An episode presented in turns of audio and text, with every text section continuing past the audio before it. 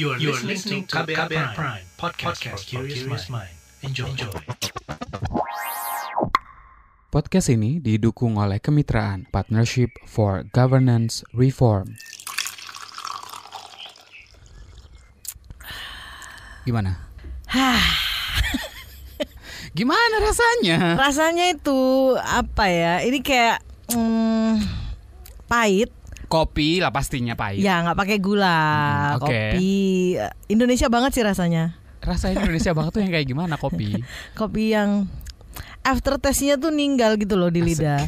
Pahitnya tuh kan ada kalau kopi misalnya dia cuma asam doang udah gitu kan. Nah kalau yang ini tuh kayak pahit tapi after taste-nya tuh agak agak asam di ujung gitu. Hmm. Itu kopi yang kemarin saya beli di Desa Gandang Barat namanya di Oh. Kecamatan Maliku. Kabupaten Uh-uh. Pulang Pisau pas lagi jalan ke Kalimantan Tengah kemarin. Desa Gandang Barat ini salah satu desa ya peduli gambut, program pembangunan yang ada di kawasan gambut khususnya yang ada di dalam dan sekitar area restorasi gambut. Hmm. Gitu. Bentar-bentar.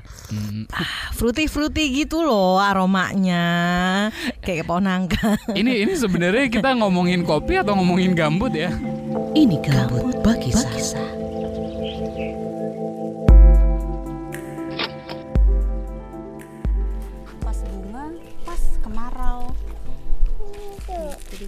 jadinya enggak Ini Liberika berbusa.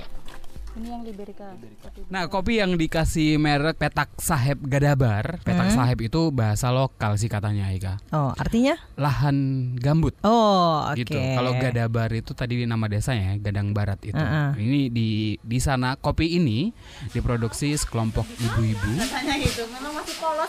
Dan mereka ini bikin usaha kopi karena di sana tuh kopinya ternyata ini sih ada banyak gitu ya. Bahkan di pekarangan rumah kalau biasanya di pekarangan rumah Aika ada apa? Ada rumput tetangga. Yang lebih hijau ya. Hmm. Kalau di sana pekarangan rumahnya ada tanaman kopi gitu. Oh, keren ya.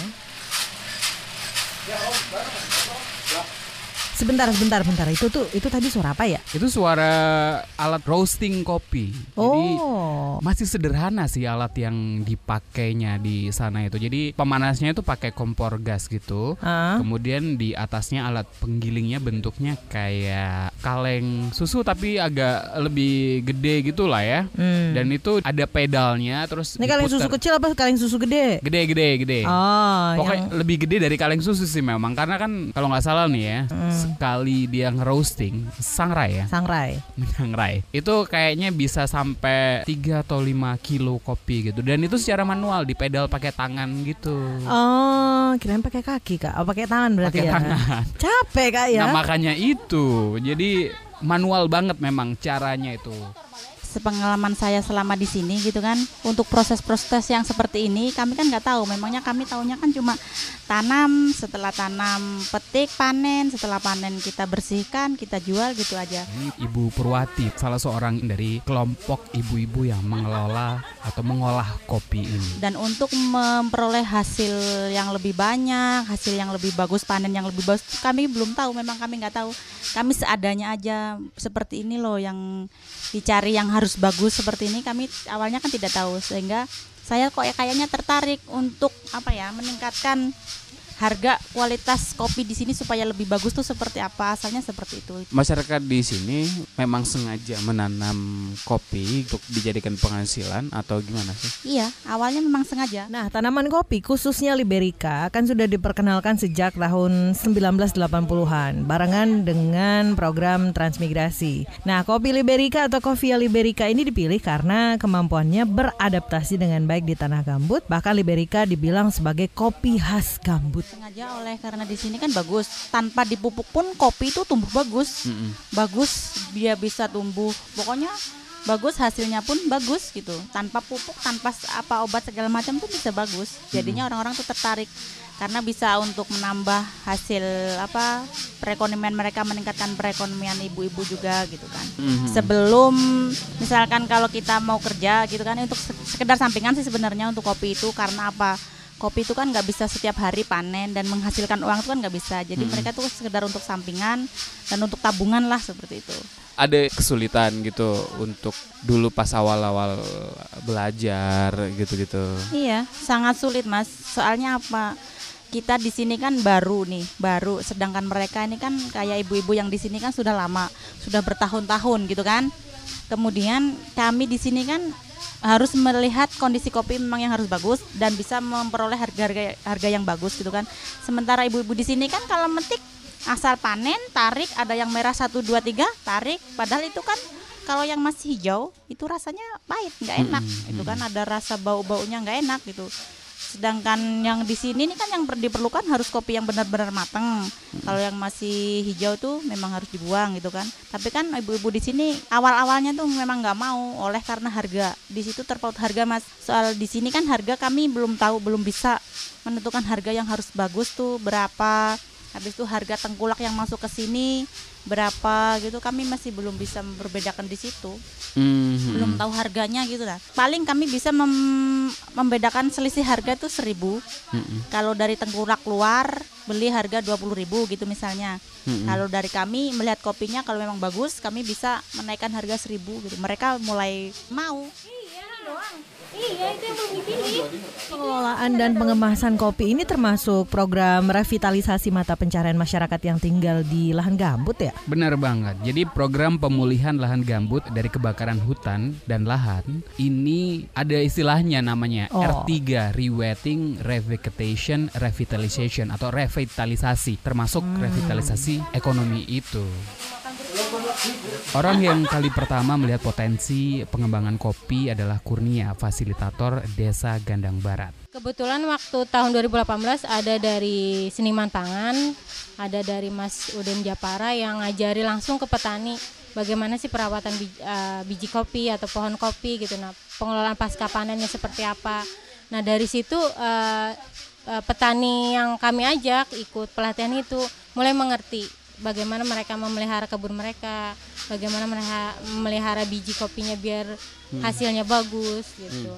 Jadi sebagian ada yang mengikuti dan sebagiannya sih masih belum ya, masih proses gitu. Nah, dan Kenapa itu, itu? eh, mereka masih berpendapat cara mereka adalah yang yang mudah gitu. Mereka nggak mau ribet kan. Hmm. Biasanya kan maunya yang instan. Masyarakat seperti itu. Karena mereka juga belum tahu potensi ek- Iya, ekonominya potensi gitu ya. ekonomi yang lebih besar. Kayak dulu meyakinkan masyarakat di sini gitu untuk ikut terlibat gitu kayak gimana dulu? Eh, saya dulu mengkoordinir eh, sekitar 4 sampai 5 orang dulu untuk eh, mengerjakan sortir kopi untuk memenuhi pesanan. Nah, dari situ eh, saya ajarkan bagaimana memilah kopi yang bagus dan tidak. Walaupun sebenarnya dari segi basic saya tidak punya basic sama sekali untuk kopi gitu. Nah, cuma saya belajar secara otodidak, belajar secara perlahan melalui internet gitu. Nah, bagaimana memilah kopi. Terus kemudian dari sana mulai berkembang Mulai sampai berkembang. sekarang berapa orang sih kira-kira? Sekarang terlibat? sudah ada delapan orang. Mm-mm. Tapi kemu- eh, untuk hari ini sih yang bis- yang bisa datang cuma empat orang. Yang sisanya punya kesibukan, punya ada agenda kegiatan. Sekarang seminggu atau sebulan gitu bisa mengolah berapa banyak? Kalaunya untuk bulan ini eh, yang sudah kami kirim 100 bungkus. Kemarin juga sudah diambil 50 dan hari ini dikirim 50 dan sisanya eh, kami mau jual, kami pasarkan di warung-warung. Dan warung-warung itu kan biasanya orang-orang lewat, mampir pasti minum kopi. Mm-mm. Dari situ juga warung-warung juga sudah pesan mau minta kopi buat di warung mereka. Berarti ini kopinya kan beli dari masyarakat, Masyarakat. gitu ya? Mm-mm. Untuk harga gitu gimana biasanya? Kalau harga biasanya kami ngikuti pasar, tapi kami lebihkan 1000 dari harga pasar. Misalkan harga di pasar 20.000, kami beli harga 21.000. Kenapa kami lebihkan? Kami juga ngelihat dari segi kopinya. Hasil kopinya seperti apa? Kalau memang kami lihat dia metik eh, buah kopinya merah semua, itu kami hargai juga tinggi gitu. Nah, Hmm, kami- pokoknya kami hmm. lebihkan. Jadi biar ma- mereka itu kayak apa ya? semacam punya motivasi gitu nah oh kopiku eh, bagus dibeli harga tinggi kalau kayak gini katanya jadi kan dari situ tuh bisa kami edukasi lagi Bu nanti tahun depan kalau panen lagi jual lagi tolong dipisah. Mm-mm. Nanti petiknya jangan lagi ada yang hijau, merah semua gitu lah. Kami Ah. akan beli dengan harga sekian. ngasih insentif gitu lah ya buat Iya. jadi payah mereka. Iya.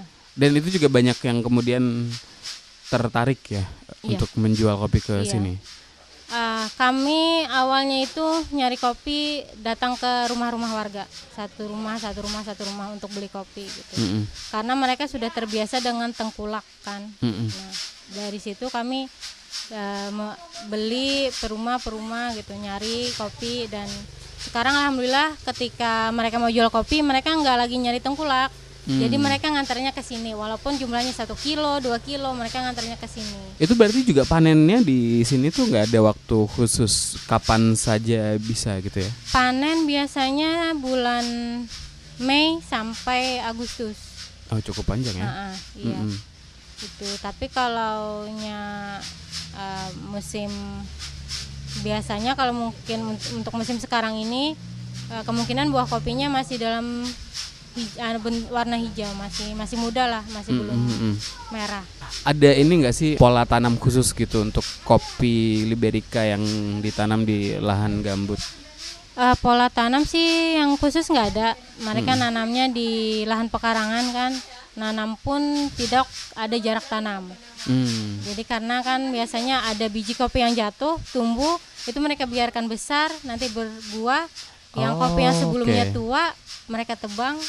Jadi seperti itu aja pola tanamnya. Hmm. Nggak- Dan pemeliharaan pun kayak pemupukan atau pemangkasan itu tidak ada. Hmm. Jadi kami perlahan untuk mengedukasi itu. Buah kopi ini potensial meskipun itu juga cuma jadi semacam tanaman pekarangan rumah aja gitu Iya. kan? Saya melihatnya lebih kepada wirausahanya. Hmm. kepada bisnisnya karena karena menarik aja gitu Nah, kopi sebenarnya selalu punya pasar hanya saja bagaimana kita mengolah dan memproduksinya Mm-mm. nah di mana pun pasti orang akan cari kopi karena itu kan kebu- sebagian kebutuhan mereka juga gitu nah. Mm-mm. dari dari berbekal juga ilmu uh, wirausaha di situ uh, mulai tertarik lah untuk menyebarkan menularkan ilmu wirausaha ke ibu-ibunya gitu nah jadi kopi itu nggak cuma dipandang sebagai minuman di rumah tapi juga bisa menghasilkan uh, pendapatan walaupun istilahnya nggak besar tapi adalah untuk pemasukan